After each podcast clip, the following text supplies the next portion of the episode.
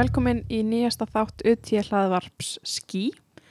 Í þættinum í dag tölum við við Yngva Björnsson. En hann er prófessor við tölvunafræðidild Háskólans í Reykjavík.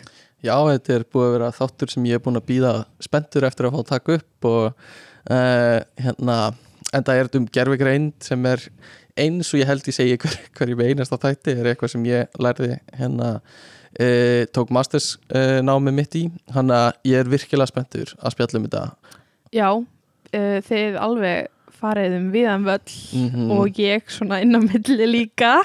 En það var svona mjög gaman að hlusta á ykkur spjalla mm að þið hafið svo mikið áhuga á þessu. einmitt og kannski svona, þú veist, áhugaverðast að er bara hvernig samfélagið er að tækla þetta orð, hvernig hæpið er að fara upp og niður mm og ótrúlega margir setja sama sem merki við bara einföld forrit að það sé gerfugreind einmitt, eða sjálfvirkniveðing sé gerfugreind einmitt. og einhvern veginn öll tækni bylting núna Mm byggir á gerfugreind Já, en það er bara alls, alls ekki málið. Nei, einmitt. Og, og gerfugreind er ekki sama og gerfugreind þannig að við ræðum svona aðeins munin á því hvað getur verið. Og uh, reynum bara, já, að fara yfir þetta svona á, á almennu máli. Við reynum að fara ekki of djúft og í tæknilega hlutan og, Nei, ég allavega skildi alveg allt. Ok, það er gott. Þannig að það er, reyndar tölunafræðingur en samt, ég held Já. í alvörunni að hérna, við höfum náða að tala eins almennt um þetta og hægt er. Já. og dæmin sem að hérna, einhver tók voru mjög skemmtileg Já.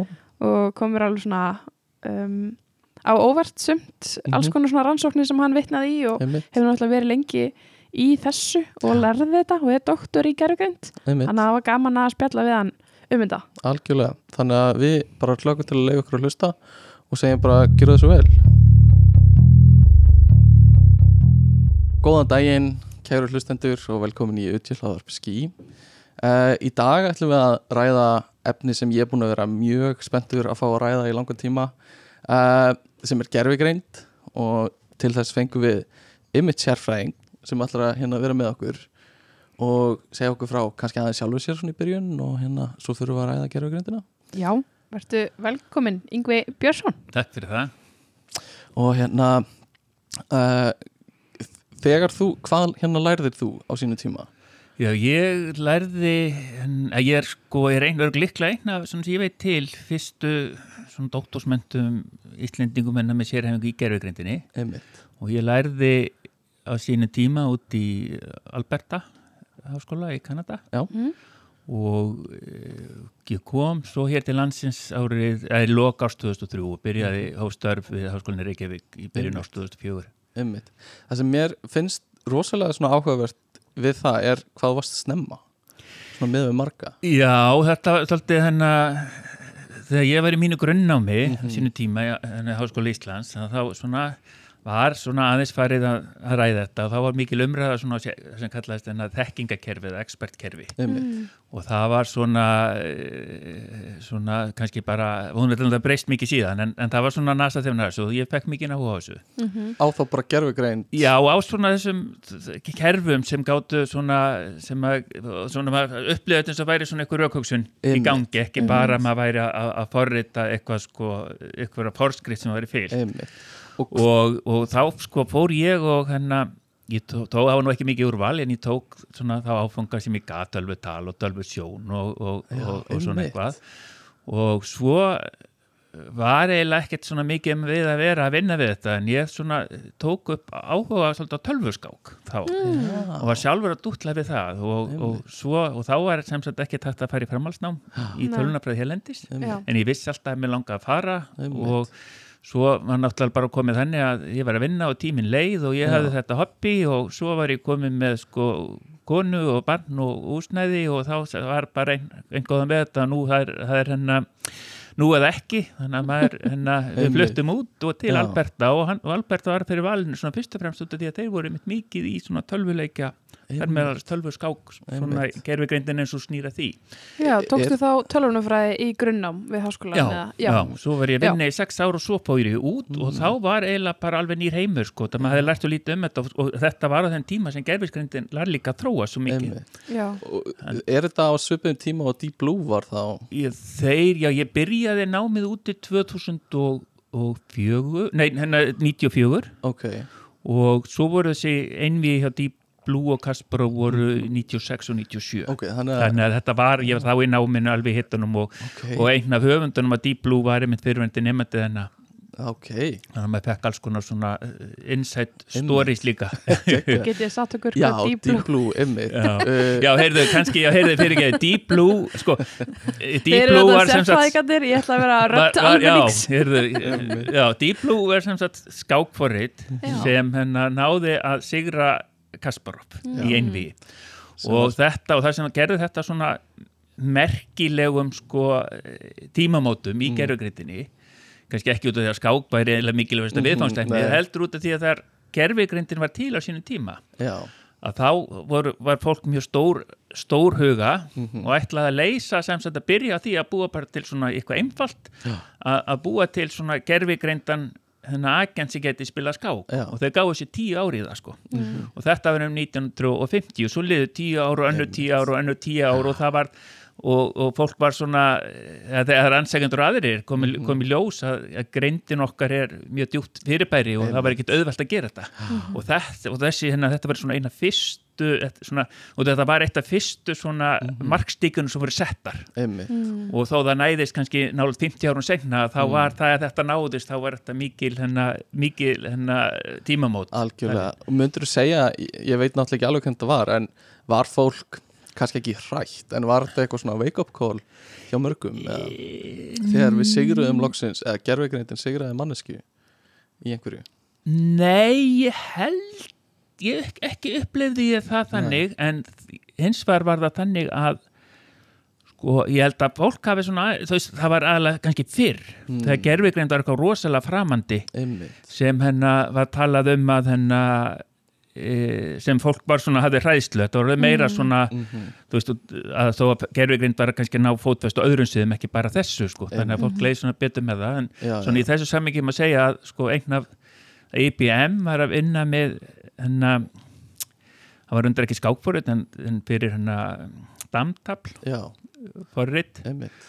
Og þá var það að læra af reynslu. Þetta er eitt svona Mhm. fyrstu, þetta var í 1957 minni með eitthvað svo leis þá var þetta eitt af fyrstu hennar dæmunum það sem voru, voru að reyna að láta læra einmitt, af reynslu, það var að spila við sjálft sig. En hins vegar var sá sem var að, að, að Samúl sétt sem var að gera hann hafði skýr fyrirmæli frá IBM, það, um, frá IBM að mætti ekki tala um að tölvunum sé að læra út af því að það held að fólk eru svo rætt að það kemi niður á einmitt. niður á hennar uh, kaupu, já. sölunni Em. þannig að það var eiginlega þannig að það var eiginlega réttlætt þessar rannsóknir hans að hann var eiginlega, þetta var svo mikið álag á, á velbúnaðin, þetta var svona álagsprófanir. Og ég held að þá hafi verið meira svona kannski í kringum þetta eitthvað en ég held að fólk hafi svona verið meira spennt heldur en hrætt á þeim tíma. Einmitt. Uh, mér finnst líka, uh, það er skemmtilegt sko, þetta er þetta er gömul grein vísindana í rauninni, þetta er ekki þetta er ekki nýtt í því skinni að þetta er ekki á síðustu 10 árum eða 20 Nei. árum. sko, en um, þetta málega segja þetta var bara til bara nánast á sama tíma og tölvunar já, voru. einmitt. Og, og það er svona oft það er nú talað oft um hérna 1956 svona sem opinberan fæðingardag, Mhm. það var ráð, ráðstemna í Dartmouth í Bandaríkjunum sem komið fram að Einmitt. svona, eða svona rannsakutur á þessu Mhm. en jáfnvel þar áður og kannski svona fyrsta heimildin svona sem við höfum um að fólk Mhm. er, að, svona, að- er að tala um já, þetta svona eh, vélar, vitræna vélar, það er Alan Mhm. Turing og Einmitt, hann var að halda fyrirlesta 47 og, og, og, og, og 48 Mhm. eitthvað svona þar sem var að tala um þetta og hann er svona talin einn af enna svona eh, fö, fö, einn af- Föð, já, föður já, gerfugreindar já, einn af þeim. Og, og þetta var eiginlega svipum og, og það, sko, tölvun er bara nýkomnar. Einmitt, og þá var sko, og þetta tölvuna þegar við komum fyrst, þá voru þetta bara risastóra regnivel já, já, og það kemur orðið kompjúter sko, Mhm, algjörlega. var fólk sem er að vinna við að regna já, já, og það er bara eins og, eins og í myndinum NASA, það sem voru hérna hidden figures, það sem eru Já. svarta konur að regna og já, akkurat, það var bara og, og, og svo en svona svo þegar þú veist hvað voru öflugur í því Mhm. þá fóru svona ymsum ymsis fólk, Mhm. konur og karlar svona að að, að, að ímynda, að svona sko, að getum við ekki nýtt allar þennan, þennan regnikraft í eitthvað Mm. annað heldur en bara að vera að regna Já, getum við, gert, getum við veginn nýtt þetta til að búa til eitthvað sem svipa til mannlega greindar? Einmitt, og svo hugsun er umlega það sem býr til þetta fagsvið gerfigreind og svo eins og ég tala um áða 1956 þá mætast ímsi fræðimenn víða að Mhm. e, e, á þessa Ráðstefnu, ráðstefnu og gefa út svona eitthvað, eitthvað plagg þar og þar verður til þessi titi, eða þetta nafnið á þessu artificial intelligence eða gerfigreind Og hvað heldur að hafi verið í þessu fyrir þig sem var svona, þetta er spennandi, ég, mér langar að skoða þetta meira. Er það eitthvað sérstakt eða? Ég hérna e, ég, ég hef töldu hugsað þetta sjálfur út okkur þarna sko, ég sko, áhuga mörgu sko innan tölvunafræðina Einmitt. þetta var það ekki eina endilega sem ég var að spá í en einhvern veginn var þetta ég held að hafi verið þetta grúst mitt í Já. sem fekk mig Einmitt. svona til að til, til að kafa svona að fara dýbra Já, og, já. og, og dýbra í þetta einmitt. Og hérna, uh, kannski áður en við höldum lengra að því við erum komin svolítið, við erum byrjuð að tala um gerðugreindina svolítið að fullu. Það langar mig að- spyrja þig svona smá hraðaspurninga eins og við erum vön að gera og þetta er bara svona aðeins fyrir hlustendur til að kynnast uh, hver þú ert. Uh, vegna þess að þú ert prófessor í, í hérna upp í HR, er það ekki? Jú, ég er prófessor í tölvunafræði við Háskólinni Reykjavík Einmitt. og sem sagt e, e, líka gerfugreindarsetinu þar Einmitt. ég Og- enna og Kristinn Þórisson við erum stundu stopnuðum gerfugreindarsetri bara fljótlega eftir að við, kom, við byrjuðum að svipum tíma. Mm.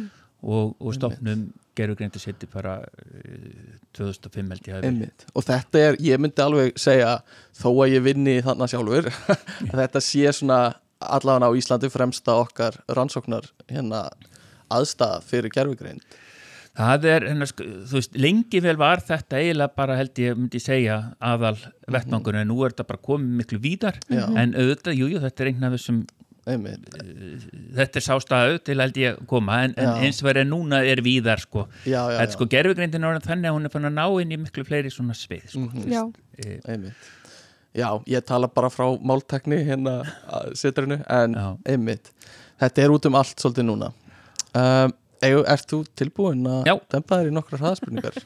það er ekkit rétt eða rámt svar og þú mátt segja pass. en ekki bjalla. Engin Nei. bjalla, Ekki þetta skipti. Þannig að hérna, við prófum þetta bara. Þannig að Android eða Apple? Bæði, Bæði, útlitið eða notagildi e, notagildi Morgun hann eða náttugla? Ert þú? morgun hanni. Kaupa á netinu eða kaupa í personu í auknum mæli á netinu. Bíómyndir eða þættir? Bíómyndir. Ef þú gætir gert bæði, hvort myndir þú keira eða labba á áfangastað? Það fer þetta fjallag Já. Uh, Hvernig tekur þú kaffið e, með hennar cappuccino á morgnana og svo minka mjólkin eftir sem líður þetta. Uh, Ertu tölvuleikir að borðspil? borðspil, Uh, Föstu dagur eða mánudagur? fyrstu dagar Já uh, Snjallúr eða heimskúr? Snjallúr, Snjallúr uh, Taka fundi eða senda tölvupóst? fund Eru hreindýr til í alvörunni? Já, þar með talið Rúdolf Já, já Hver er svona go-to fréttamiðlinn sem þú ferð á? Morgunblæðið og BBC Mm Besta leiðin til að slaka á? Lesa, Lesa. Fjöldi skjáa sem þú notar í vinnunni? einn fartölvuskæður Hver er, uh, hvert er passvortið á tölvuna þína? Ég man það ekki. Nei, uh, og hérna vinna á staðnum eða vinna heima? Stannum og hvort myndur þú ferðast 100 ár fram í tíman eða 1000 ár? 100 ár. 100 ár það er hérna, við, við höldum okkur við hérna Ég er náttúrulega búin að ákvaða það að vera mennsku svo 100 ára Ég er náttúrulega svo forvitin að vita hvernig framtíðin verður þar Já. Það verða gerfugrindina sko Við- Það Einmitt. ekki. og þá tölum við sennilega líka ennþá mjög svipa tungumál það uh, aldrei Já. að vita með 1000 ár Já, sko. erum til erum til Já. vonandi uh, og svo erum við með nokkra svona stuttar forritunar uh, svipað hvað er mest notað forritunarmálið þitt? C++, PC, Mac eða Linux uh, Mac og Linux Tabs eða Spaces Tabs, kommenta jafn nóðum eða rætta því seinna. Sleppa því. Stack Overflow eða Stack Overflow? Stack Overflow. Já. og go to nafn á fyrstu tempbreytunniðinni Þetta aftur. Go to nafn á fyrstu tempbreytunniðinni uh, X. X. Og frammendi eða bakendi? Er bakendi. Mhm. Herru, þetta Það er var geggjað. Já, og hefur þú spila borð, ertu borðspilamæður hefur einhvern veginn verið í tölvuleikjum með eitthvað svoleiðis? Já, ég hérna ég hafði náttúrulega gamla skák þegar ég var yngri. Mhm. Já, og svona var eitthvað fyrta við í mentaskóla Mhm. og svo svona datt eiginlega niður alveg í, í, í háskóla og svo fór að koma svona reyndar fóru það þessu tölvuleiki fóru að koma þessu real time strategy leikir Einmitt, Mhm. já, þá, datt maður í þá en það eina sem hefur svona ennst við mig, ennst sko. Svo, mm. svo var það þannig að maður var að spila þá og svo var maður að spila á jólin. Svo var það þannig að maður keipti þá en spilaði þá ekki. Já, og svo endan maður það maður hætti bara að spila svolítið þessa tölvuleiki. Og þá var líka strákur mann var alltaf að rústa mann í þeim sko. Já, já, þannig en, en, en það er ennþá hefur skákin aðeins haldist. Ég svona að svona ég segi ekki svona dunda við það. Já, spilar við fólk eða tölfur? Ég fólk aðeila á netinu. Ok, einmitt. það þýðir ekkert að tefla við tölvur lengur. Það er, það er já, þú getur bara stilt erfileika stíð Já. og það er bara það eru, já, er eiginlega engin leið að vinna það sko. Nei. Um, en kaup á netinu uh, þetta er mjög áhugavert vegna þess að rosa mikið að gerfegreind er falin í því já, í svona hérna innkaupa minnstrum fólks. Og notkunna minnstrum bara hvað þú ert að skoða á netinu. Já, ég held nefnilega sko að hérna, fólk er náttúrulega gerfugrindin hefur miklu meir áhrif á hvað fólk er að gera heldur en fólk heldur mm. þetta er víða, það við sjáum það ekki og aftur þetta eins og til nefnt þú ert á, uh, á að, að kaupa í gegnum svona vefsíður Mhm. akkurat hvað vöru þú sérð einmitt og hverju haldi að þér e, þetta er, er Mhm. úrlega mikið stýrt af svona kerfum sem hafa, er að reyna að greina þitt neyslu minnstur og, minnstur og bera það saman við aðra Einmitt, og reyna bara svona uh, besta sem sagt, magnið sem þú kaupir maximæsa það sem þú kaupir já, einmitt, akkurat bara græða í hvað Já, sem það er sko. akkurat og þetta er náttúrulega mörguleiti mjög óheilbreykt Mm. sko, hvernig, hvernig það er en, en um, en ég meina að þetta er samt líka gert í búðum þetta er allstar sko, þetta er Já, er já. ekkit nýtt en Nei. það er bara, sko, þetta var einu sinni þannig að sko, þegar ég fór og hitti kaupmannin á horninu og var að versla að kaupmannin á horninu þekkti mig já, og gætt vita og sagt mér, heyrðu, er ekki tímabætt fyrir þig að núna ber aftur á pallininn eða eitthvað svoleiðist, einmitt. bara þekktu þetta. En nú þegar verður að kaupa netin og þú ert með sko miljónir, ekki 2 miljónir viðskiptavinn, það er engin leið að þekka þetta. Nei, nei. Og, og þess vegna er verið að nýta þessa tækni til þess. Og það er orðið þannig að þeir oft þekkja þeim tilfellin, þekkir þessa tækni því betur en þú þekkir sjálfa þig akkurat einhver hegðun sem að sýnir fram á að þú sérst Já. eitthvað Einmitt. Það er skemmtileg saga um hérna, það var einhver svona búð, einhver staður út í heimi sem hérna var að prófa og reyna að finna einhver svona bestu minnstrin til að stilla upp vörunum sínum og komið staði að ef þau stiltu upp sko bjórnum við hliðin á bleijónum þá margvartaðist Já. salan á bjórnum að þess að papparni voru að koma og kaupa Já, þetta var ég, já, ég heyrði þetta, þetta var hennar ég held að það hafi verið í Bretlandi Já. þau komast að því að seinnipartin á 50 dögum Já. Þá, þá var fylgni milli þess að kaupa bleiur og hennar og hennar, já, bjór. En, en það þýðir sko, þú veist, en svo er spurningin hvað gerir maður sko, þegar maður, Mm. þú veist, að þú veist það að, að fólk sem er að fara að kaupa ke- kaupir hennar Mhm. kannski sixpack með sér eða eitthvað sko, Mhm. þá er spurningin sko hvernig maður nýta þær upplýsingar sko, Algjörlega. annars verður sko átt að hafa hlið við hlið. Mhm. eða áttu, ef fólk ætla hvað sem er að kaupa þetta átt að láta viðkomandi lappi annað í leiðinni í sko. leiðinni líka sko. Þetta, þetta er mjög góða punktur að því maður heyrir oft tala um sko, ethical hacking og eitthvað svona Já. en það er ekki oft sem maður heyrir tala um ethical use of AI eða eitthvað svoleiðis. Já, það, það er mjög stórt og þetta er orðið miklu meiri umræðinu núna og það er svona farin að koma svona ásteytingur sko Já. á milli, maður er fann að uh, heyr, bara að komið í fréttinar að, að vera að segja upp þessi stórfyrirtæki er að segja upp fólki sem er að tjá sig mikið um þetta og fleira kannski komum með því eitthvað síðar sko.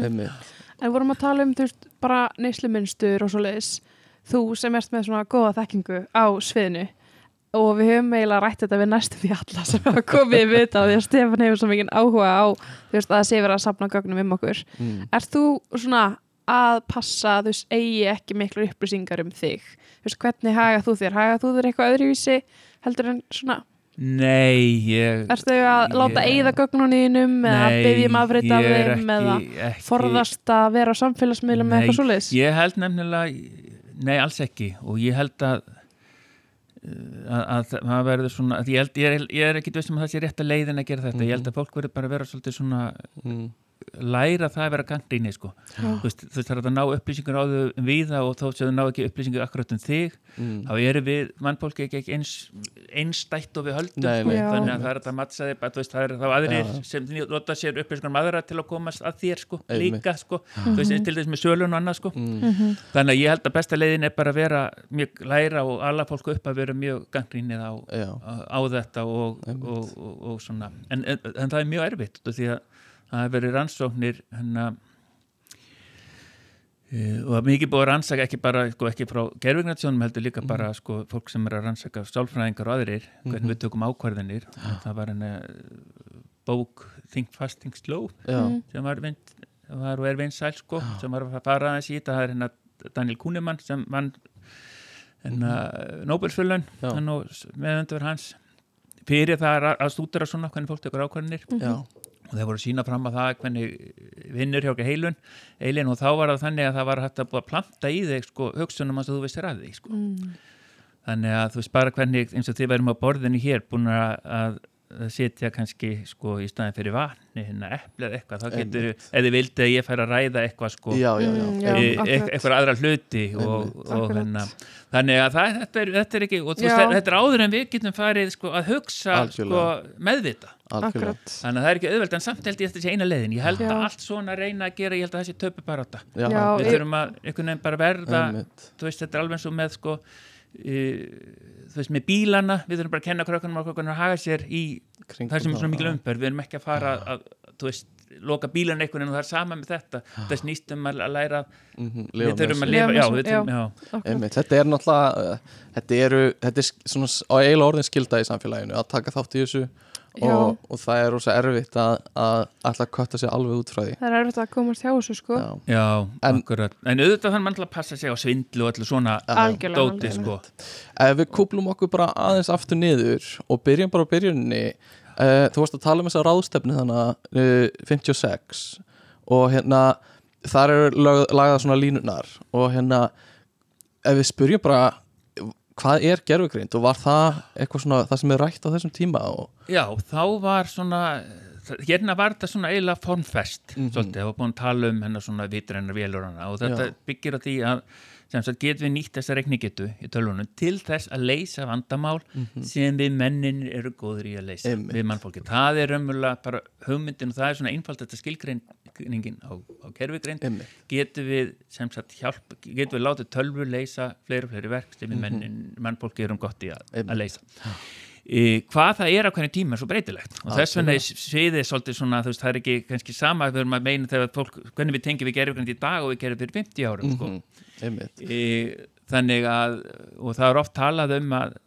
hennar, þessi hennar það sem við þurfum svona til að ná að sér mannlegu greind og nú erum við jáfnvel fann að tala um sko, hvernig komum við svona í, í, í hérna, framúr mannlegri greind á mörgu sviðum Já, þannig að það er ekki viðmiðið eins og Nei. var alltaf þá sko.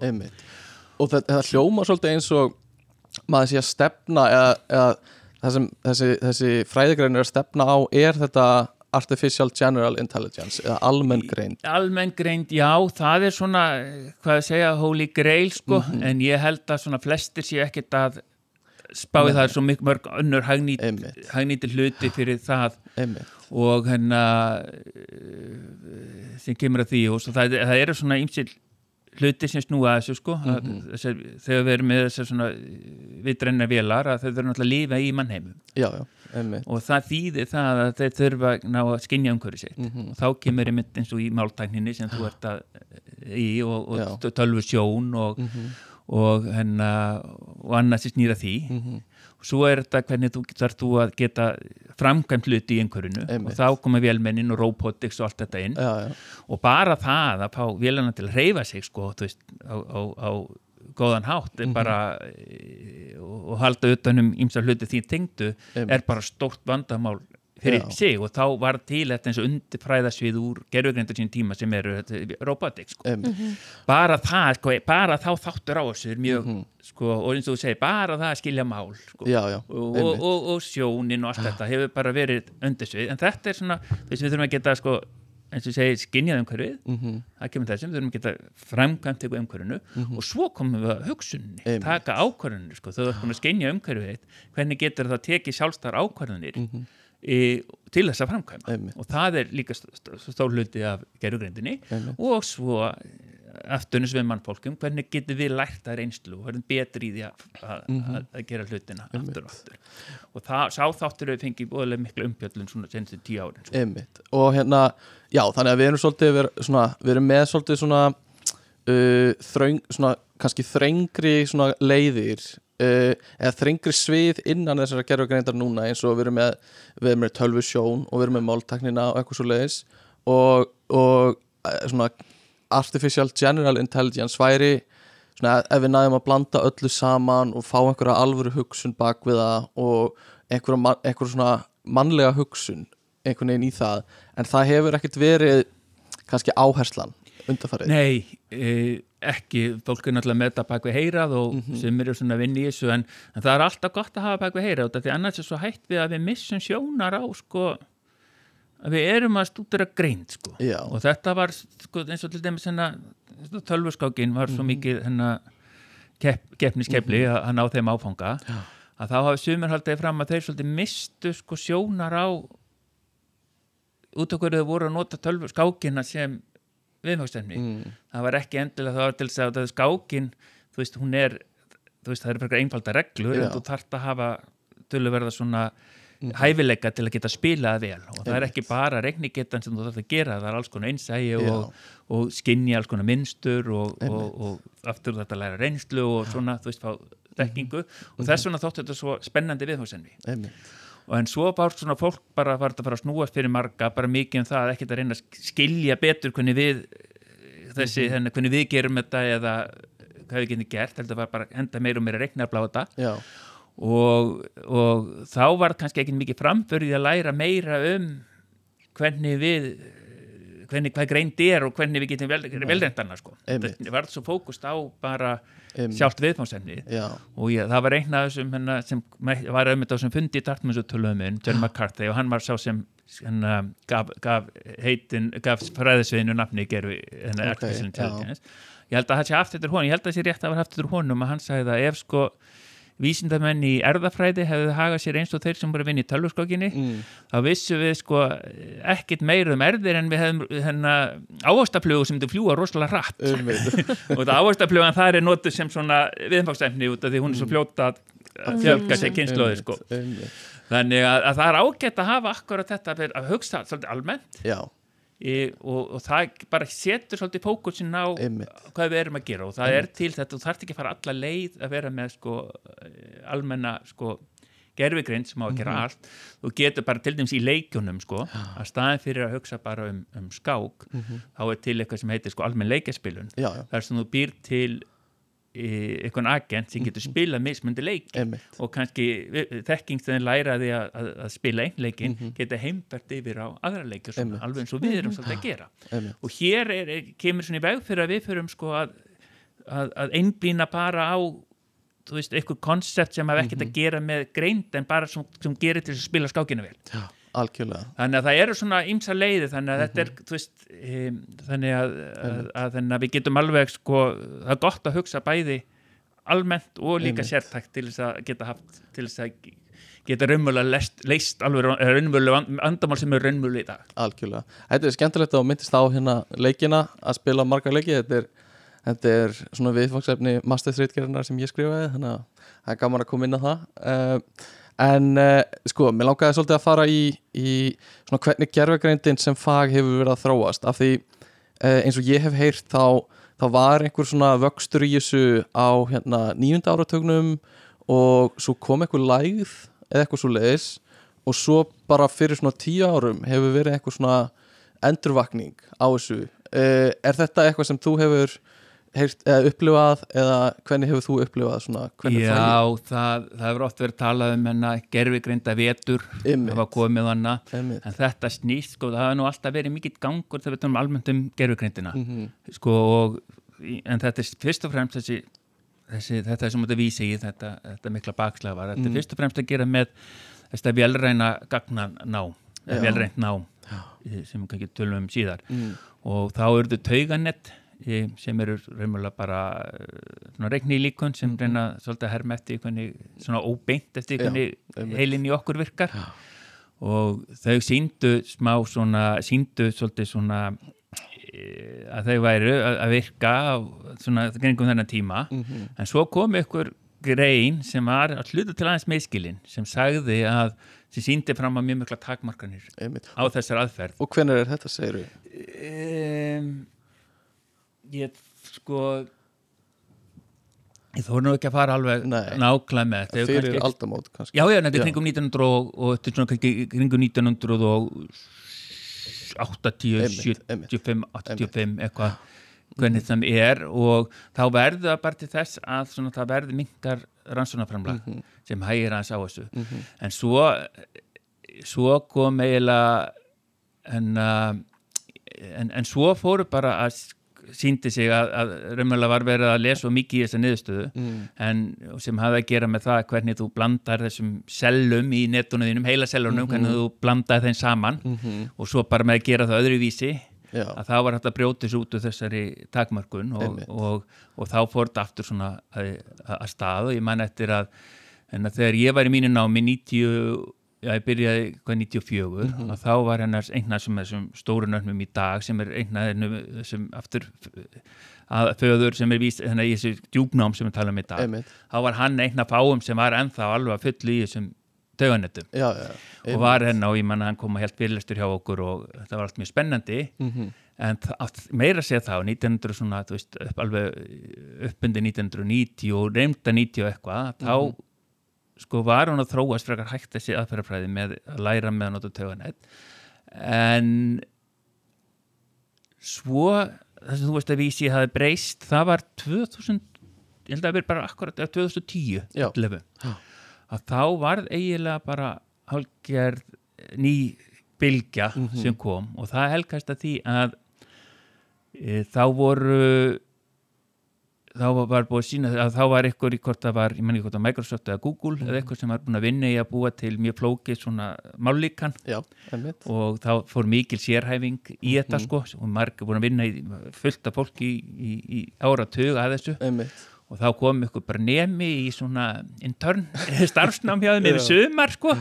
Og hann var að nota bara þjálfaði neti þetta sem síndi gaf betri einmitt. Og þá var það eiginlega bara hennar mikil, mikil hennar sáu þeir tækifæri nýjastu einmitt. Og þá eiginlega síðan hefur verið þessi rosa fókus á þetta. Og þetta helgast eiginlega þrennu. Mhm. að, náttúrulega, að stóru hlut er þetta náttúrulega að búið að læra við, rannsækjandi þekki betur hvernig á að þjálfa Mhm. svona líkun aðferðina bara hafa já, þróast. aðferðin hafa þróast e, en að stóru leiti líka hefur þetta að gera með um, mikið meira gögnum Einmitt. og miklu meira vélarafl einmitt og þannig að það stóði eiginlega bara þessi, þessi rannsóknir sem voru gerað þessi, þessi fyrr þegar mm komið sér eins og veturana einmitt við höfðum bara ekki sko þölfur gögnin í Nei. rekningitinu í, Mm, að- í að gera já. þetta Einmitt. Þannig að, að hérna, við erum komin þá á þann stað kannski fyrir tíu árum og, og hérna, bara, já, síðast áratugin að við erum með öfluru vélar og getum sapnað fullt, fullt, fullt af gögnum. Og þá finnst mér svona, er líkillin í þessar gerfugrein sem við notum mest í dag uh, að einhvern veginn að læra að beisla þessi gögn, finna minnstur í þeim og hérna veist, hvað er það sem þarf að hugsa um Já, það, sko, það er það sem hefur rosalega áherslu á undanfæri Mm. en margir vilja meina að þetta og sem er ekkert óðurlegt, við erum bara að koma að það er hlutir sem eru núna mm. -hmm. þæknin er orðið nógu, hennar þróuð og við höfum reikneflið í að gera alls konar hluti sem við gátum ekki áður Mhm. og það er að hagnýta það bara strax út í samfélaginu og, og um það er náttúrulega snúist rannsóknir við erum núna að búa til bætt samfélag. Einmitt. og það er náttúrulega verið mikil áherslu í það. En hins vegar er, er svona gangnisrættin að þetta er það þess, þetta er allt gott eins og langt og það nær. En þetta er ennþá en- við erum ennþá vantar mjög mikið í þetta. Þetta er það sem tölfur eru góðra góðar í. En við, þegar við erum að læra Mhm. við þurfum ekki 100 miljón dæmi um að gera eitthvað rámt en við fyrir að breyta hefðunni í okkur. Einmitt. við getum lært eitthvað þú veist, Mhm. þú ert en ég man alltaf þetta strákurinn minn var lítill að hann var skreið fram á rúminu og fór með höfuði fyrst. Og, en, og ég var aðeins og segna að, ná honum. Mhm.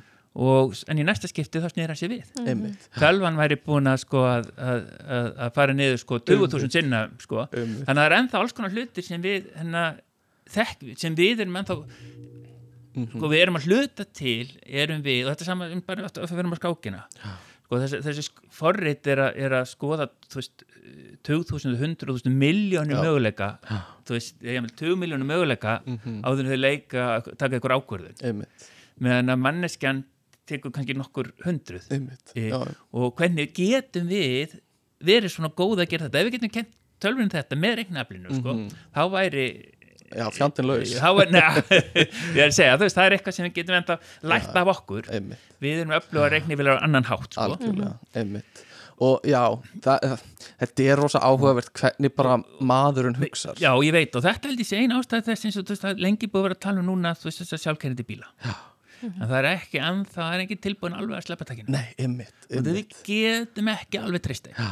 Það er þetta, og þú veist, það hefur verið sínt sér þetta núna samt, sko mm. -hmm. slýsatíðni hjá sjálfkerrandi bílum er, minn, er lægri heldur en já. hjá okkur fólkinu, en við setjum bara meiri kröfur á þetta einmitt og svo eru bara sumstar, þá eru svo slís sem eru bara svo klöfuleg já, að við myndum að halda að væri bara engin við stýrið. Nei, þú veist, þú keiri bara inn í eitt dæmi, keiriði bara inn í trukk sem var þessum að veginum út að hann liturinn og honum var ekkert óseipaður og á, á, á bakgrunnin eða sem þetta á himninum. Já, svona hlutir sko. Mhm. og sama var hennar í, það var mikil hennar og er ennþá mikil tækifæri í, Mhm. í hennar í læknisfræði og eða, eða svona sem snýra heilsugæslu eða heils, bara eh, okkar hennar líð heilsu og, og Mhm. bara eh, öllu sem snýra hennar e, heilsunni já, og, og þetta bæta það á ymsa vegu og aftur þetta nýta sér þessa sko hæfileika tölvuna til að sjá mynstur í mikið ágangnum. Þetta var til þess að Deep Blue við tölvum það, Já. að IBM en að nota þessa tækni eða svona í grunninn eða allavega nafnið einmitt, já, og heimfæra þetta yfir á ímins önnur svið og þau mm veðjuðu mik mikið á hennar einmitt þetta heilbreyðskerfið einmitt. Og byggu til Dr. Watson sem átti að vera svona og hann var uh, hluti á krabbamisteimum við, við, við hennar háskólusjúkrahús og, og önnur sjúkrahús og var raunverulega og, og ástæðan fyrir því að voru að tala um það það eru ég myndi 50-60 þúsund greinar um krabbamein ári og það er engin manneska sem næri að lesa það nei, nei, og Watson gerði þetta og kom með tillögur sem bara mörg í flestum tilvíðinu voru bara Mhm. í- bara meikuðu fullkomlega sens sem Já. að nota góð íslensku og og jafnvel stakk upp einhverju sem þeir tektu ekki Mhm. sko sérfræðingarnir en svo stundum var bara einhverja tillögur sem voru sko að, að, henn, að mér sé fyrst að splæknarnir myndi ekki stinga upp á þessu nei, nei, þannig að vantar alveg svona common sense já, common sense, það er Já. þetta einhvern veginn sko, og við náttúrulega fæðist einhvern veginn sko, við Mhm. dýrin, þar með tala menninni við fæðist með einhvern svona innbyggðan bæja sískur við höfum Mhm. Einmitt. þróast bara í miljónir ára, bara að lifi þessu umhverfi sem gerir okkur kleift svona að búa til einhvern mótil af heiminum sem svona tengir það saman og já, akkurat, og þetta er ástæðan fyrir því að við getum ekki alveg eins og segi, við þorum ekki að, að láta bílan alveg sleppa það, það er einmitt uh, en svona, þetta verður þetta er svolítið svona uh, já, kalt mat hjá þér. E, hefur verið of mikil áhersla og bara ha, já, hæp, svo ég segi bara á ennsku síðustu tíu ár í kringum þetta? Rosalega tæp og fólk er Rosalega. bara að tala um gerfugrind núna eins og bara velnætt nám og gerfugrind sem sama hlut sem er ekki Einmitt. það sýnir bara hvað sem ekki hæp hefur í kringum þetta þetta er sama með frá rástæfnar erlendis sko, það eru tveir þriði öllum greinum er að fjalla eitthvað um þetta Já. og það er náttúrulega bara þessu mikil sko, tækifæri þessu núna Mhm. að, þú veist, og það eru ma- ma- margir svona, veist, flotti hlutir Mhm. sem hefur verið að gera með þessu en ég held að fólk sé svona það er tvennt eiginlega, sko, að þú veist, nú er svona eins og hérna, einn af þessum stóru nöfnum í þessu Andrew Ang hérna, sem var við Stanford háskóla og búinn að stofna. Hann er núna mikil talsmaður fyrir það. Við verðum að hætta í þessu að henda bara meiri reiknigetu, henda meiri hennar gögnum, Mhm. við, við, við þurfum að reyna að finna Mm. taka upp þráðin aftur hvernig við getum lært meiri eins við mannfólki. Einmitt. að, að generalisa betur færri gögnum. Og það er bæði bara líka út af því að og, og, og það er ýmst ástæði fyrir því náttúrulega bara að þetta læri ýmslega að því. En svo hefur líka komin þessi umræða um að svo leið sem við fara er ekki sjálfbær. Nei, það eru gífulega orkunótkun sem er að fara í þetta og að vera að tala um að þessu sko eins og þú þekkir um alveinslinu þessi líkun sem er notað þar. Já, úf, að svakalega. bara, þú veist, kolvenishósburið að þjálfa eitt svona líkan er á við sko marga bíla yfir sko líftíma bílana já, já, einmitt, e, algjörlega þannig að en, en, en að móti kemur er náttúrulega hægt að nota þessi gerfingetækni til þess að, að, að eh, henn optimisera flug áætlanur og annað Mm. Já. til að eyða minna Einmitt. þú veist, Já, þannig að það er ekki allt en, en svona, þannig að það er svona og ég segi, það getur verið svona það eru tvær liðar á þessu Já, manni finnst eins og þetta sé svona stimpill sem er stimplaður á fyrirtækin sko og ég hef smá bara svona reynsla af þessu bara svona aðeins utanfrá vegna þess að ég var að sækja um vinnur fyrir nokkrum árum uh, þegar ég var búið með eitt ár í, í mastersnáminu mínu og þar var, fannst mér eins og þau sem voru að, að reyna að fá mig sem svona eina gæsla einhvers konar gerfegreindar mannesku uh, til að mæta, viss ekkert hvað það var að byggjum Já. og vissi ekkert hvað það vildi og bara svona, já þú hérna, gerði eitthvað gerfugreind, hérna Já. eitthvað svona Akkurat. og þetta var bara eins og greina liti á fötum sem er bara eitthvað sem þú getur gert með bara lit, bara svona, svona einhverjum einföldum aðferðum og þarf ekki gerfugreind Þetta er já, svona akkurat. töfrasbroti sem átt að geta Einmitt. og fólk fattar ekki alveg það er hérna um, sko það hefur sínt sig það hefur svona verið að tala um það hefur svona gerðar við um heim hefur verið að gera svona kannanir um starfsána í fólk eftir Mhm. mismundi hérna fagspriðum Já, og allt sem tengist tölvum hefur yfirleitt verið mjög hátt já, Mm. þú veist þetta eru yfirleitt velleginu störf það eru sveigjanleiki og þú ert alltaf að læra eitthvað nýtt sko, Mhm. þú veist það er bara Já. gaman að mæti vinnuna Mhm. þú veist þannig að þetta er svona þú veist hefur alltaf mælst mjög hátt en nú er komin þessi gagna data scientist eða gagnagreinar sem er Já. hennar svona ný Mhm. svolítið svona fagstætt sem er að koma upp og ólíkt öllum öðru tölvu þá hefur starfsánaðan þar einmitt ekki mælst há já, já. og þetta hefur að gera með það að yfirmenn þeirra og aðrir hafa svo óreinuga væntingar Já. Til þeirra, sko, að bara segja, heyrðu, ég ætla að hendi í þig eitthvað hérna, eitthvað drallt gagnum og þú ert bara að koma með eitthvað töfraformúlu, sko. Já, það er ekkert svona skilgrind ekki rétt, sko, að, fólk eru að upplefa það, einmitt akkurat þetta, sko. Já. og mikið lagt á þetta fólk og komdu hérna og kynntu fyrir stjórninni Eh, já, hvað við akkurat. að gera. Þannig að og þetta er svona nýjótskrifa fólk sett einhverja rosalega Já, er svona að, þegar maður er að taka svona Mhm, eitthvað svona verkefni mhm. að þá ætti maður eiginlega að byrja, það er eitt af sem maður að gera fyrst er að skilgreina hvað myndi þýða að þess að hafi virkað hjá mér verkefni, hvað þarf ég að gera? Ekki bara að gera eitthvað sko, þess að ég þarf að ná að bæta nákvæmninu út frá miða við þessi þessi að ég niðurstöð sem voru er þekktar um, þú veist, 5% eða eitthvað, hvað þarf til? Einmitt. þú veist, þannig að þú getur sagt að einhver tíma annars er þetta bara að þú ert að grafa hún í endalstunum þú segja einhverju tímabundi heyrðu, þetta er orðið, þetta tókst vel Já, og fleira og svona, þannig að það er hérna Já, ok, Algjörlega. þetta var nú eitthvað smá sætt svona, Já, en, þetta en það var bara, þetta er- þú ert að tala um að það. Uh, þetta er svona ný teimi í mörgum fyrirtækjum já, og það er áhugast að sjá hvernig þetta er að þróast já, að því að akkurat. það er erfitt að búa til einhverja nýja deild og svo ræður til einhverja sérfræðinga sem er kannski nýjótskrifaðir og kannski hafa ekki heldur reynslu af atvinnumarkaðnum já, og þau eru sko, að byrja þar þannig að þetta er svona það getur verið þú veist, áhugavert að sjá hvernig þessar einmitt. deildir lifa af síðan innan mismunandi fyrirtækja Já, akkurat, og þú svo er þarfst að vera með einhverja akkurat. en eru þau þá með þekkinguna Já, sko? akkurat, og svo er það akkurat þetta þetta yfirleitt er svona, þú veist, þessi vin, vinsla við gagnagreiningar, það er ekki nóg að hafa bara tækniliðina eða bara þekkingana á veiksnumkurinu það þarf svolítið annarkvæmt að blanda þetta með teimunum Já. og helst einstaklinganir að hafa yfirsýn Einmitt. í bæði hver er eru markmiðin akkurat Já, hvað er akkurat. árangur og, og, hjá og og eh, black box sem þú gerir, þú þarf að hafa insýn inn í, inn í að hennar, við hvað þú ert að gera. Já, það þarf að vera eitthvað gagna stefna oft. Hvað er, Já. þú veist, bara alls konar sem þarf. Einmitt. Black box er eitthvað sem við ætlum einmitt að tala aðeins um uh, eftir smá. Uh, en, en fyrst langar mig bara að tala um gögnin og hérna af því að það er valla hægt að segja núna uh, gerfigreint áns að tala um gögn. Þó að það ekki, þurfi ekki endilega að vera þannig. En þetta er bara orðið einhvers konar samheiti yfir gagnagreiningu og gerfigreint sem er ekki alveg rétt það er ekki rétt. Uh, en, en fyrst við erum komin ákað uh, erum við að sapna of miklu á gögnum? Er á að eyða gögnum? Þetta hefur verið svolítið svona uh, heitt umræðefni uh, það er bannað að eyða gögnum segja margir eitthvað svona. Erum við of mikið að fókusa á þetta þessi gag- gagna áhersla sem hefur og verið.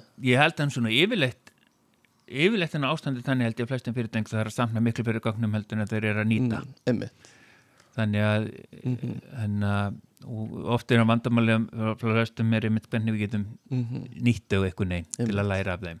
Og þetta er náttúrulega mikil, meira núna mikil tækifæri í, í að Mhm. gera það. Einmitt. Og, eh, og ég held að, að, að það liggur náttúrulega heilmikið þekking í því. Mhm. þú veist, þegar maður er að gera þetta ef við skoða viðskipta minnstur og annað það er heilmikið sem getur lært. Þannig að ég er svo sem ekkert, ég held að það sé bara hennu góða. Einmitt. þú veist, það er náttúrulega að passa einmislegt svona persónavöndarsjónum og allt svoleiði Já. sko en sem er aftur mjög erfitt líka. Fylgjast með öllu því. En, en á, á, þannig að það er svona þú veist, allt í lagi, hins vegar er felst alltaf hætt í því að þegar maður er að læra af einhver sögulegum gögnum Mhm. Að þá er maður oft bara að læra eh, það sem maður ætlar að gera. Að læra Mhm. einhverja nýja hvernig þú tekur ákvarðinir, hver er að fá lán hver er að ekki fá lán eða hvað sem það er. En þá ert að taka með þér allan svona sögulega bæjas algjörlega. í þessu sem getur verið mjög hættulegt. Algjörlega. Einmitt, vegna þess að gerfugreindin, hún getur ekki lært á neina öðru en því sem hún gefur henni Það er, já, og það, það er sko. tvenn, já, það annarkvært færðu bara sögulega Mhm. en svo er hitt þetta að láta gerfigreindina svolítið hennar uh, pröfa sig áfram já, og þú getur svo sem ekki gert það í raunheifum við viljum ekki hafa bíl út um alla göttur hennar sem er að pröfa að læra að keira sko. nei, nei. en við gætum til dæmis þegar þeir eru í hermun já, til dæmis hafa þessi, þessi fyrirtæki sem eru að gera með sjálfskerandi bíla þeir eru, auðvitað- eru búin að keira miljónir míla í raunheimum en þeir eru búin að gera þúsundsunum fleira í hermunum sko. sem er ótrúlega finnst mér spennandi hugsun að einhvern veginn uh, þjálfa eitthvað inn í uh, svona ó, hérna uh, síndarveruleika eða bara ekki raunverulegum heimi bara Nei, inn, í, inn í svona environmenti. Uh, umhverfi sem er forritað og svo einhvern veginn setja það í gangi alvöru heiminum. Já, akkurat, og uh, þá getur þú keirt þetta bara miljón, trilljón sinnum Akkúrat. í rauninni án þess að, án þess að nokkuð gerist í alvöru heiminum. Já, akkurat. Og það er samt að læra. Já, akkurat, svo lengi sem að þetta hermi umhverfi er nóg og nálagt raunheim og það var aftur að tala um að að búið til týpura Mhm. og svo getur tekið heila hafnar fyrirkomlag og verið bara með stafræna týpura sem þú getur verið að prófa svona án þess að uh, miklu minni, án þess að geta að prófa alls konar hluti sem væri kannski stór hættulegur að gera í Einmitt. en samt þrátt fyrir þetta ég var einmitt á fyrir nokkrum árum á ráðstöfnu þar sem var að tala sem var að leiða en að þetta á Google, þetta sjálfverkund bíla. Mhm. og það var um að tala um þetta og segja hvað það hefði verið mikið að keira í, í, í sérilegi hermunum en líka í rauninu en samt er heimurinn alltaf komið um óvart. Já, þannig að er, þetta er, þetta er bara mjög flóki og, Mhm. og þessar aðferðin sem við erum náttúrulega núna út af því að við tölum á þann þú átt svo erfitt með heimfæra hluti frá eitt í annað. Það er svona, Mhm. við höfum ekki þessar common sense hugsun oft. Já, að þá lenda þeirri aðstæðin sem getur verið mjög rugglislegar og hann tók sem dæmi að þeir voru að keira í sjálfkennandi bíl og eitt sem þeir, þeir alltaf að, að skanna umhverju sitt mismundi, eru með mismundi tæki til þess og, og þeir eru að vita, ok, þetta hér er bíl þetta er gangandi Mhm. vegfærandi, þetta er, er hjólriðamaður og svona þetta, með, þeir, þeir svona þú veist, merkit allt svona og eru bara með Mhm. þetta allt á hreinu, en svo kom í ljós það var eitthvað sem rugglaði rugglaði það og þá var það, það var pallbíl að taka fram úr mm. og aftan á pallbílnum var manneskja á, á svona æfingahjóli að hjóla sem, er, sem er eitthvað sem er mjög erfitt að gera í svona síndar heimi já, þetta, þetta hug sko, jafnvel, sko. Einmitt. og, og, og aftur hennar sko, þú veist, við bara myndum hlæja þessu alveg áttu svo á þetta bara við höfum eins og þetta verið bíl. Já, en já, auðmingja tölvukerfi vissi ekkert hvað það átti að gera í þessum aðstæðin sko. Já, það er mjög áhugavert akkurat. en, en sko svona, svona fræðil, eða tæknilega séð ef við náum að þjálfa þetta vel upp eh, sem sagt sjálfkynandi bíla bara sem dæmi, þá erum við með einhvern veginn vél allt í einu sem er með þú veist, átta augu og er að vinna úr upplýsingum úr öllum áttum og, og ætti að vera með miklu betri hæfni til að keira bíl örugt já, já, en alvöru manneskja af því við erum með tvö augu og eyru sem eru inn í bílum og heyra ekki allt sem er í gangi. Já, og svo geta þeir ef, ef það er mikið af þessum sjálfkærandi bílum þá er þeir samskipt sín á milli og þeir vita Já. áður en hinn ætlar að, að fara að stoppa. Þeir vita ég er að fara að stoppa. Ég er að fara að hægja á mér. Já, líka það. Þannig að ef, ef okkur tekst vel til þá ætti allt svona að verða betra og Já, já. örgara Já, já, akkurat. Og ég held að þessi orðið þannig í flugunum núna að, Mm. veist, að það er frekar að trista tölvum einmitt, í, í mörgum tilfellum heldur en einmitt. flugmönnum þó að þú veist, sömur aðstæðir er þannig að þá Mhm. mm flugmönnum trist betur sko. E, út af því að þú getur haft verið bara í sko stöðu samskipti sko.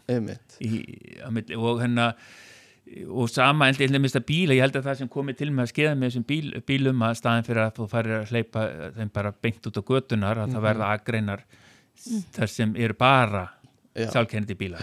Einmitt, þannig að þeir geta þá tala saman. Einmitt. Og það er þessi samskipti oft sem er erfið að milli þegar þú ert að blanda þessu saman við mhm, raunheimann og svolítið og tökum til dæmis þar sem er ekki hér ennandi bandaríkinn verður með svona eh, stöðunarskyldu alla fjóra. Mhm, og þá gildir svo reglar sá sem kemur fyrst að á sko réttin einmitt. En ef fólk er ekki, þú veist, fólk þarf að vera nokkur sammála um það, Já, já, þú veist, og einmitt. þá gerum við þetta yfirleitt bara með svona öngsambandi, sko, þú veist, bara þú sér þá en að Mhm. þegar þú erum með sjálfkendi bíl hinn megin, sko, hvernig gerir þetta, sko, mhm, þú veist, bara svona einfaldi hlutir og þeir hafa verið að tróða það fyrir til þess, þeir svona aðeins færa bílinn og sjá hvað manneskjan gerir svona, en, en samt bara hefum ekki hugsað út í svona hluti, Nei, sko. nei. Þetta er áhugavert að setja inn svona, svona hálgera mannlegar hegðanir í bílinn eins og svona aðeins að hreyfa hann eins og manneska Já. er svona þetta sér áfram og, og svo aftur suma þessum sko slýtsum sem hafa orðið mm, og þú veist, það er kannski ekki endilega veist, það er nú að tala um að veist, ofta er manneskjan sko völdaslýsinu til þess Mhm. aftan, aftan og akstur eða annað. Já, það er bara út af því að tölvan hefði sér öðruvísi. Já, þeir til er ekki, þú veist, þú fær hvernig þú á milli agreina og annað, þetta er bara eitthvað sem er ekki mannlegt. Þetta kemur óvart. Já, og tekur eitthvað sko, og þó að þú sett í órétti að þá hefði kannski, eða verið manneskja þá hefði þetta ekki skeð, Já, sko, sem hefði verið við stýri út af því að þú ert að miskilja hvað tölvan er að að gera. þú veist, þeir eru að fara að laga sér til eitthvað agreinin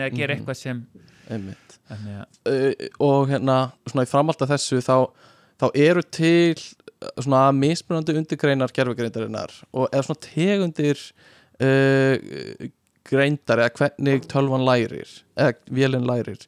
Og það er mjög svona og kannski þekktasta og vinsalast aðferðin er það sem heitir supervised learning það sem við erum að reyna að vinna bara með gögn og vinna á gögnum og þá vitum við líka hvað við viljum sjá út því. Við vitum útkomuna.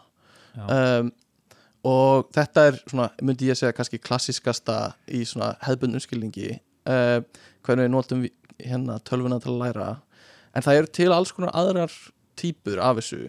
Og einira er það sem heitir reinforcement learning sem er svona kvatalærdumur já, og það er ekkert ósvipað þessu sem við vorum að tala um áðan með að búa til umhverfi og láta tölvuna læra inn í umhverfinu og þá er hún í raun að búa til sín eigin gögn til að læra. akkurat. Og það, þetta er kannski aðeins að tala meira þú tala um þetta, þú veist, supervæstlönning og Mhm. þetta kalla supervæst út af því að það er eitthvað sérbúin, sérfræðingur búin að segja fara yfir gögn, þú ert með og segja þetta verður rétt útkomin hér. Mm og þetta er náttúrulega þú ert með mikið af gögn eða það er að gera þetta við mikið af gögnum Já. og þá verður þetta náttúrulega flöskálsi Já, og þess vegna er verið að reyna að komast út af þessu þar sem tölvan þarf ekki að, að einhver er búin að segja einhvað rétt og rátt heldur geta þeir einhvern veginn pröfa sig áfram. Og þá er akkurat þessi hérna, reinforcement learning eða hvað lærdómur mm þar sem þú ert með líkan sem getur prófað ekki að hluti og, og, og, og breytt þínu umhverju samkvæmt tí einmitt. og þá lærir það því. Og þetta tökum sem dæmi til þeim sem í, við vorum að skoða aftur þetta Deep Blue og svo náttúrulega nú er orðið það var náttúrulega Alpha Zero sem var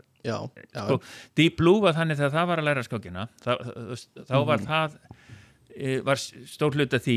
Það var kannski ekki mikið að læra. Það var meira um þetta gamla hátum þetta en þú varst að koma þekkingun inn í. Þau voru með stórmistari í teiminu hjá sér sem var sko bara að koma skák þekkingu inn og þau voru búin að búa til mjög flokna svona matsfall til að, me matsfall til að meta reyna að taka þekkinguna úr einmitt. í heilunum á, á, á stórmesturunum og, og einhvern veginn álgana í dölunum og, það var mikið mörg, þetta er marg ára vinni að gera þetta Já. en svo var eitthvað lærtum í að, svona, að, að stilla af sko, mikilvægi hins og þessa og það var núna fyrir bara uh, nokkrum árum að þá var DeepMind kom með hennar þessi þeir þjálfuð alveg frá grunni einmitt bara þekktu reglunar skák Mhm. og svo var bara tölvan að spila við sjálfa sig með Já. því að nota þennan Einmitt. reinforcement learning Mhm. og bjóð til reynslu e, næja reynslu þar til þess að geta telt á þess að nokkur segði til á þess að nokkur stórmestur að annar kæmi að að vera enginn að kenna því skák nema bara manngangi var búin að segja kenna því. Mhm. uh, og það læriði að teflast uh, sterkar en, en sterkastu skákmenn í heimi. Og, og en þetta var út af því að það gætu búið til og það læriði það fjórum klukkutíma vá, og, en á þessum fjórum klukkutímum bjóða til hennar svo mikla reynslu ég held að það hefði telt 17 miljón skákir. Já, þú sér það, manneskjan er að tefla kannski örð nokkuð þúsund skákir yfir líftíman sko. Já, veist, uh, og þetta er sko staðistu gagnarsamni heimi held ég svona yfir skákir sem eru með sem, sem fólk hefur telt er kannski að ná veist, yfir alla söguna 10 Einmitt, miljónum sko. þannig að nærða búa til þess að gífulega þekkingu. Já, og í umhverfum þar sem þetta er hægt að þá virkar þetta mjög vel. En svo eru önnur umhverfi sem þetta er kannski ekki hægt og Nei, það einmitt, einmitt. virkar, er þetta orðið miklu, miklu einmitt. Og það er, erfiðara. Já, og alls konar bara hvaða upplýsingar fær þessi þessi agent sem er að leika þetta og þetta eru alls konar svona hugmyndir sem þarf að, sem þarf að hérna pæla í. En um, þetta er sko hvað hvað myndi maður flokka sem gerfegreind líka bara svona í daglegu tali? Vegna þess að eins og í tölvuleikjum eru oft oft uh, svona hvað ég var að segja, von, vondikallar eða eitthvað svona hlutir sem eru sem eru sagðir hafa gerfugreind um, Já, en, en það er kannski ekki það sem við tölum um sem gerfugreind eða þetta er meira bara svona forröndið hegðun já, það er náttúrulega bæði til en í, í leikjum er þetta bara mikið forritun hegðun Mhm. þó að sé dæmum að sé verið að láta læra þar Já, veist, og, en svo eru þeir líka sko leikir eru hrættið við að láta þölvuverinu að læra mikið þetta þeir geta einhverja vitleysu. Já, einmitt. Og ég man að það var henn að dæmi um leik orðin þó nokkur ár síðan. Mm en að hvort það var Black and White, ég man ekki hvað hann hétt ok, og þá var það þannig að þá var, aftur, þá var svolítið verið að leika sig með þessa kvatahegðun já. Að þú varst ekki að stýra þölvu verunum beint mm verunum í leiknum, heldur varst þú óbeint að stýra þeim með því að gefa þeim sko, hrósa þeim eða, eða Mhm. slá á puttana þeim já, já, þannig að það lærði þá eitthvað ákveðna hegðun eftir því hvernig þú varst að, mm. að, gefa þeim sko kvata já. Og þá var ykkur sem, sem lærið var, var þjálfuð í það að, hafði einhvern hæfileika til að geta sko læknað mm aðra. Þannig að ef ykkur aðrar verur voru tölvuvoru voru illa vannar að þá -hmm. gata lækna þá. Já, og það fekk svo mikla ánægð að lækna að það lappaði um og fór að berja, Berja fólk til að geta lækna það sko. þú veist, þetta er bara dæmi um sko, þú veist, það er kvatin ok, þú veist, hvernig fæ ég sem mest að þessum kvata, ég þarf að náttúrulega að berja eitthvað til að geta, þú veist, lækna algjörlega, það algjörlega. Þannig að það er líka svolítið svona ætla ekki, en ég myndi alveg svona, þú veist, það er verið að tala um gerfi greint, þú veist, ég myndi alltaf hafa í huga sko, þú veist, eru við einhvern veginn að reyna að leysa vandamál sem hennar, kannski ekki veruleikni menn til þess að spila tölvuleiki. Þú veist, það væri ekkert að við verum að gera einhvern agent sem er að spila tölvuleik mm það væri dæmi um eitthvað sem þyrfti að nýta þessari hæfni sem við mannbólki hefum svo er hennar Já, svo aftur þetta, við erum einhvern veginn annarkvæmt að vinna í því að skinja umhverfið, hvernig leikur umhverfið, læra reynslu, mm Mhm. taka sjálfkrafa ákvarðanir, en eins og segir það, voru mikið hæpi kringum þetta og það var Mhm. sína held ég að, ég held að í Evrópu 60% allar svona startup fyrirtækja sem Já. segjast vera með gerfug en þeir eru ekki með það sko, Nei, er einmitt. bara en, en auðvitað- já, já, Einmitt. það er nú bara eins og það er það er það og hérna svona tö- tölvuleikir og gerfugreind er svolítið áhugavert af því það, það er ekkit ólíklegt að einhvern tíman í framtíðinni þá verði til tölva sem vinnur mann, mannesku í öllum tölvuleikjum í rauninni eins og Starcraft var lengi talið mjög erfiður Já, já, og tölvuleikur. það var aftur þetta deep mind deimi sem, sem fór á fór í það að Já. gera það. og, og bara með mjög góðum árangri. Uh, ég fór að hugsa svona er þetta slæmt eða gott eða eitthvað? Og sérstaklega fyrir raf íþróttir sko Já, það er sko, sko, það mæla að taka spurninguna ennþá lengra, sko, ekki bara í leikjum heldur bara almennt. Já. Eru tölvun að taka meir og meir yfir þegar þeir eru að framkvæma okkar verk og þess að það er gerfugræn snýst um það að getur vel að tölvun að gera fleiri og fleiri þeir sem við erum að gera. mm Þannig að þá kemur þetta hennar og málega segja að það er samið í sjálfverknivæðingu. Já, Við erum að sjálfverknivæða og bara allt sem kemur að sjálfverknivæðingu, þú veist, er þetta slæmt fyrir þjóðfélagið, eru að tapa Einmitt. störfum manna. Það er mjög einfalt svar við þessari Mhm. spurningu. Mm Þetta er ekki slæmt þetta er nöðsynlegt Mhm.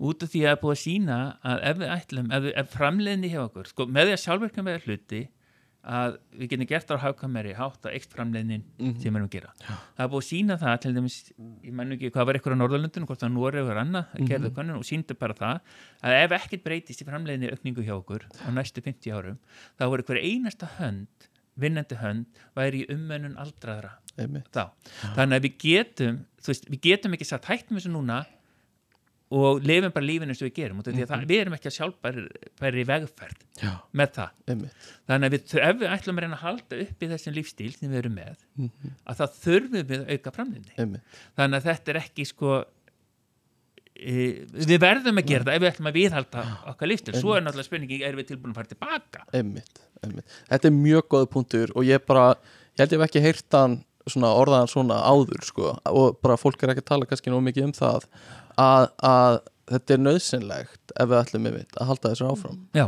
bara, mjög, mjög gott að heyra það sko og, og, og bara viðhalda núverendi sko, Einmitt. lífstíl, þið er ekki að tala um annað en það sko. Nei, nei, og að því það er oft talað um þetta er að fara að stela vinnunni í okkar og svona, og maður hefur heyrt eitthvað svona, já, þetta hefur gerst áður eins og í innbyltingunni og eitthvað svona dó, dó, dó. En, en, en þessi punktur er líka bara mjög góður að þetta er bara, við, þetta er þarft til þess að halda þessu gangandi, sko. Og hérna, og, en svo er náttúrulega, er, veist, aftur er sko, þetta máli, svona, þetta er tæknilega þetta tæknilega liðin, en svo er náttúrulega stóra vandamáli eða svona stór, önnur stór vinkil af þessu er að hvernig sko ef við eigum framnefni mm þá verður meiri svona auður fyrir alla, -hmm, en hvernig hún er dreift. Og það er meira svona politíst eh, mál og það hefur verið gegnum sko bara árhundruðin hefur verið, Mhm. verið tveir pólar. Þú veist að með annars var fjármagnið og svo vinnuaflið sem hefur svolítið verið að, að berjast um að skipta milli sín e, en já, já, og það er stundu verið að tala um það að sko að með þessari hér allir sjálfverknumæni það er svona græjur og annað, róbot og annað til þess að gera þetta að þá fer að færast meira svona vægi, þeir fá meira vægi hennar fjármagnið með við vinnuaflið.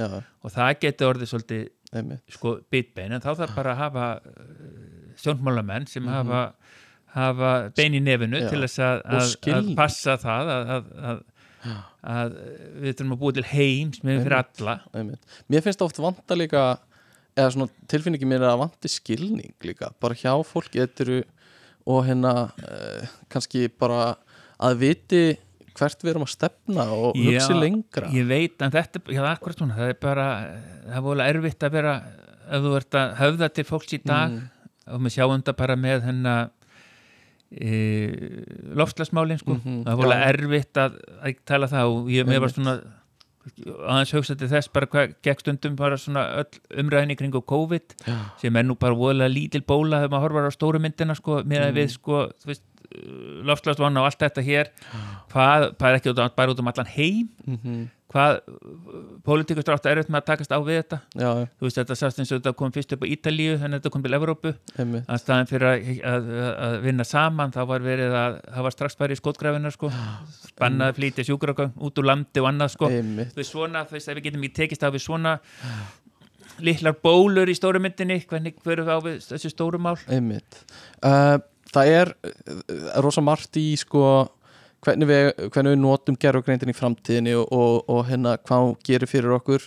Uh, er eitthvað þú veist, hvað, hvernig þurfum við að byggja þetta þessa fræðigrein upp þannig að við getum treyst því sem er að koma út úr þessu og þarf að vera fræðsla til fólks þarf að, þarf að hugsa sérstaklega um þetta með einhverjum löggjöfum eða Já, Hverju- alveg klárlega og ég held að þurfi regluverk Mhm. en það er oft eins og með tæknina regluverki það kemur alltaf að segna e, einmitt.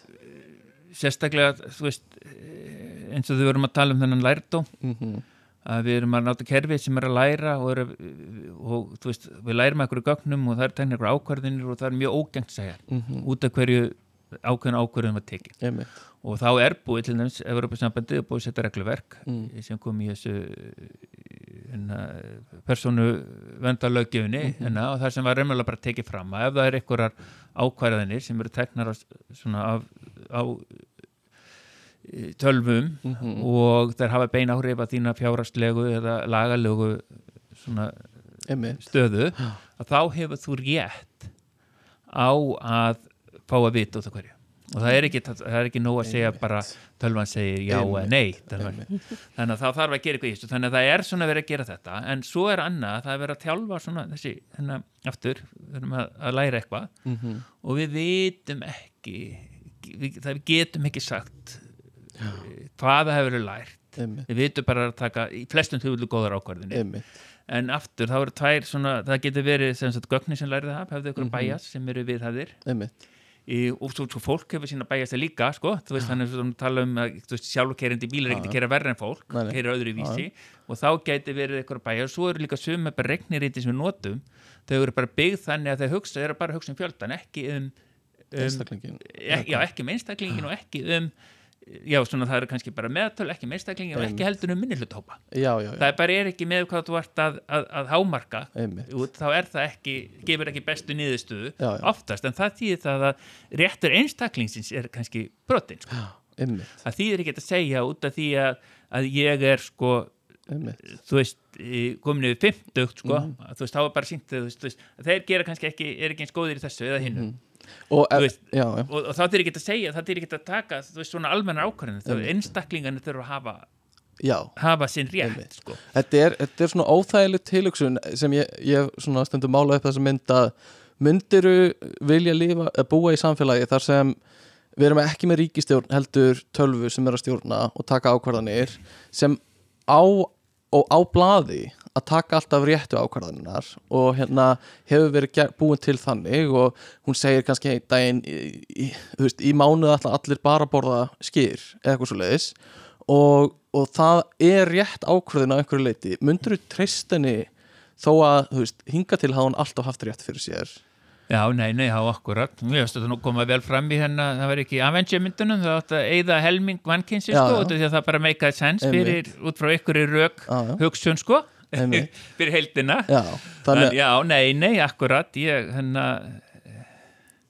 þetta það er, er, væri sko, erfitt en, sko. en, en það sem hefur verið að breytast Mm. undanfærið er að það eru miklu meira áhersla núna í gerðugrindarsöðinu hjá okkur, ekki bara að reyna að búa til líkun sem er að vera betur og betur mm Mhm. ykkur heldur að það séu útskýraleg Já, við getum sagt út af hverju e, þetta eða hitt. Út af hverju þessi ákvörðun tekin frekar en hinn og, og það er mjög hennu góða og þetta, Mhm. þú veist ma- og kannski maður segja, við, maður glemd, við glemdum okkur aðeins sko, það var svo spennandi að gera alltaf þú veist, það var svo mikið að einmitt, einmitt. en nú er orðin sko, þú veist, komið mikið svona eh, hérna, fara auka, aukast það sem er vinni í þessum lutum og Já. það er orðin miklu mikilværa og þetta er náttúrulega bara til þess að við getum byggt tröst einmitt. að Og- þarf að gera þetta Já, af því, já þetta, þetta er þetta black box sem við töluðum aðeins Já. um áðan er, þú veist, við skiljum ekki er í gangi en við erum að fá hærri tölu í, í hérna útkominni eða betri tölu í útkominni eitthvað svona, og, en við vitum ekkert af hverju. Og tölvan er að sjá einhver minnstur sem við skiljum ekki. Já, akkurat, en að, eins og þú segir, að núna viljum við fókus á að skilja já, hvað er í gangi. Akkurat. Og hvernig, hvernig þetta er að, að hérna, Já, út af að hverju þetta ákvað fórsendum er að gera þessar, Einmitt. taka þessa ákvörðun? Er, Já, og, og, og sem þetta, þetta er reyndar sko, þetta er orðið mjög þetta, veist, að þessar hættur eru veist, við vitum af þeim og við erum að vinna í, einmitt. í þeim. Og, og sko, ekki kannski alveg þetta, en tengt þessu er sko, að við erum með traust og svo erum við með ábyrð í gerfugreind og hvað, hvar liggur ábyrðin hjá hérna uh, einhver, því sem gerfugreind tekur ákvörðunum, þú veist? Já, já, það var nú akkurat núna eh, fyrir held ég bara tveimur árum var eh, tímamóta eh, svona lagamál lögfræðilegt í bandaríkjunum að hvort að hver var ábyrð framleiðandans. Já, sem að komi ljós að var ekki ábyrgur sko. Já, já, í, þannig að já, ef ykkur tekur ákvörðun sem hefur áhrif aðra hver, hver er ábyrgur? Þetta er allt mjög erfitt. Já, þetta er, þetta er það og hérna, þú veist e- ein, ein hluti í þessu er að einmitt að fá útskýringar gerfugrindarinnar á því hvaðan ákvörðun eða af hvernig hún tók hana. Uh, en svo líka bara, það er ekki endilega nóg alltaf. Og þú veist þú getur verið með gerfugrind sem einhver á sem var búið til að einhverjum öðrum Já. sem var fjármögnuð af þessu já, en hún var notuð af einhverjum en, en hins er náttúrulega svo sem þú veist við mannfólkirum er líka svo sem þú veist við, þú veist það Já. er tekin pólitíkustökur ákvörðun og svo er bara eftir á útskýringar sko. Já, já, veist, þannig að það að geta komið með ykkur útskýringu er ekki endilega að segja allt sko. Nei, nei Um, uh, en þetta er líka eins og fyrir list þetta er svona sama hver á listina sem gerfugrind framleiðir. Já, já það var hennar, það er til grúpa sem er að berjast fyrir réttindum einmitt, sko já, já. tölvuvera já, já.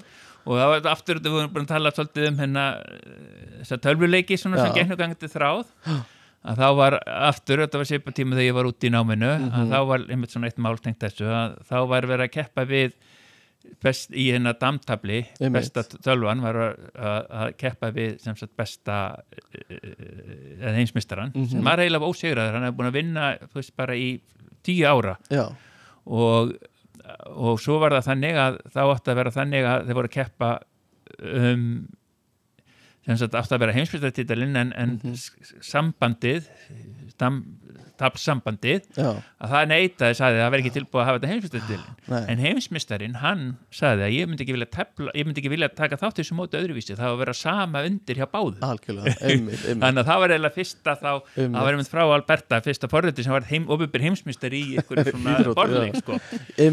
þetta var akkurat svona veist að það þurfti að taka upp hanska. Hefur það réttindi til að gera það sko. ég skrifaði einmitt svona litla greinum þetta í, í náminu mínu um hérna réttindi uh, gerfugreindar og eða hvort að gerfugreind Já. ætti að, eiga skili réttindi um, þetta er mjög áhugavert uh, af því að þetta er svo tengt við einmitt bara hvernig við túlkum hvað þetta er hvort þetta er e, e, hérna bara er einhverja tölur í einhverjum, einhverjum svona uh, í, já, prósessor einhverjum svona hérna 1 og 0 tölur eða er þetta eitthvað sem, sem hefur meira substans en það Já.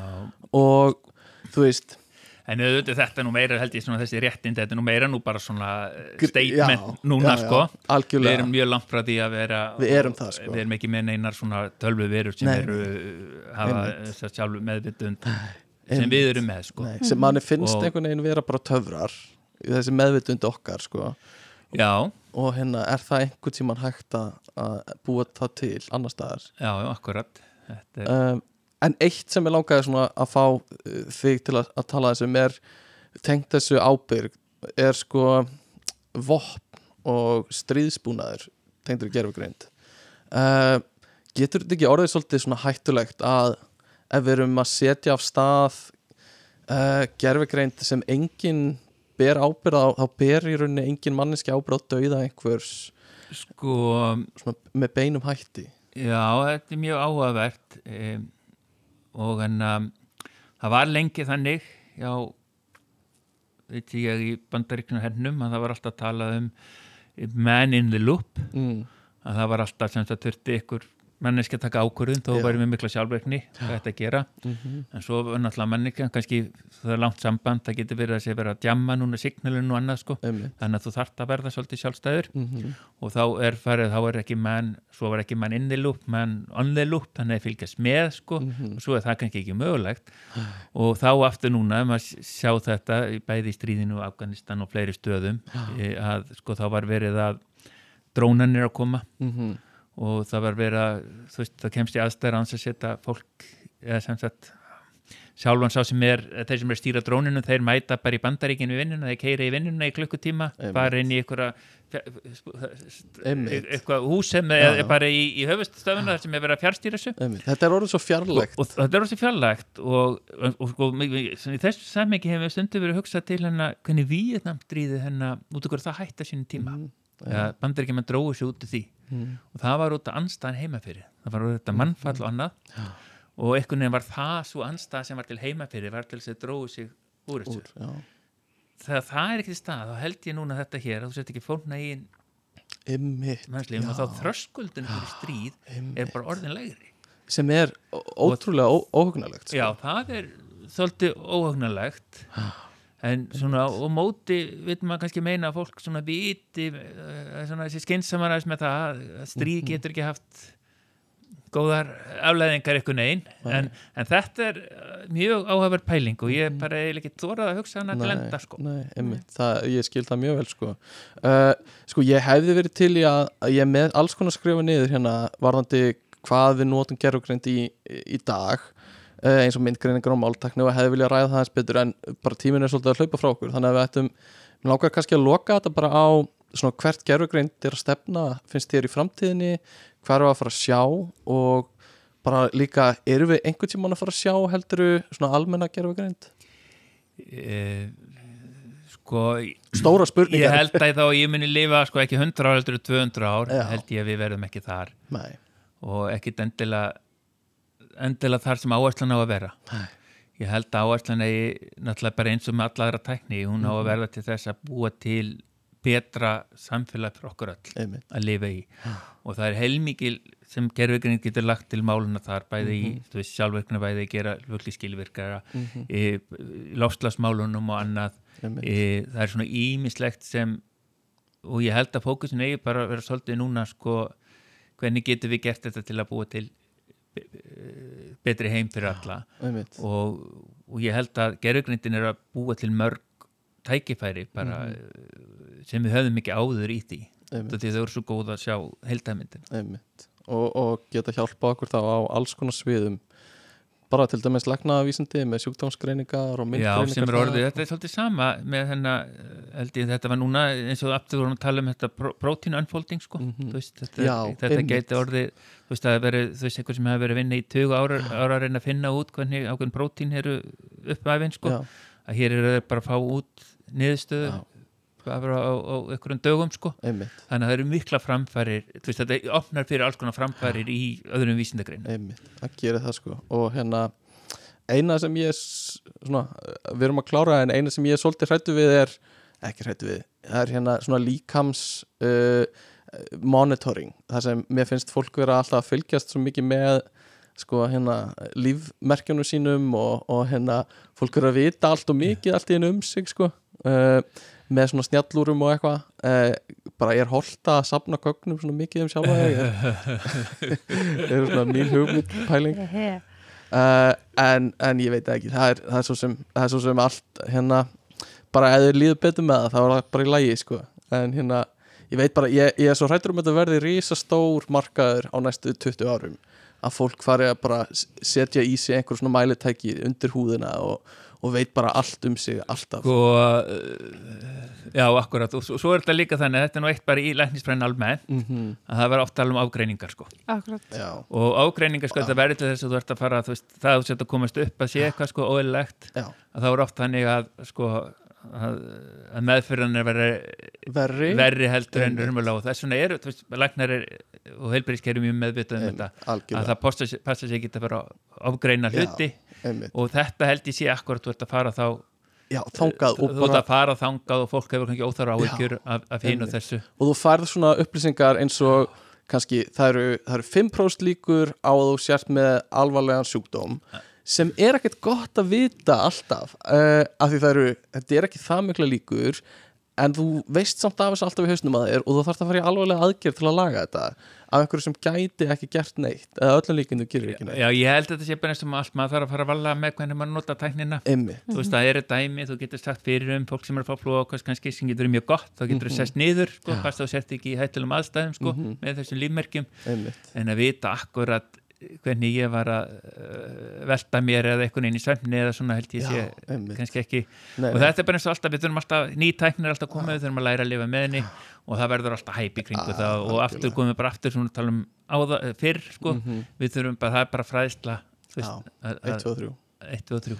Já, ég, já, algjörlega. Þannig að ég nefndi þetta nú bara því ég er að vinna við það að greina svona lífgögn þannig er ekki annað. En hérna, við fyrum að slá botnin í þetta og hérna, við erum búin að fara svona uh, um viðan völl tengt gerðugreindinni ég myndi segja alveg að, að það er ekkit ólíklegt að við tökum annan þátt um gerðugreind ég er svo mikið meira sem ég geti talað um.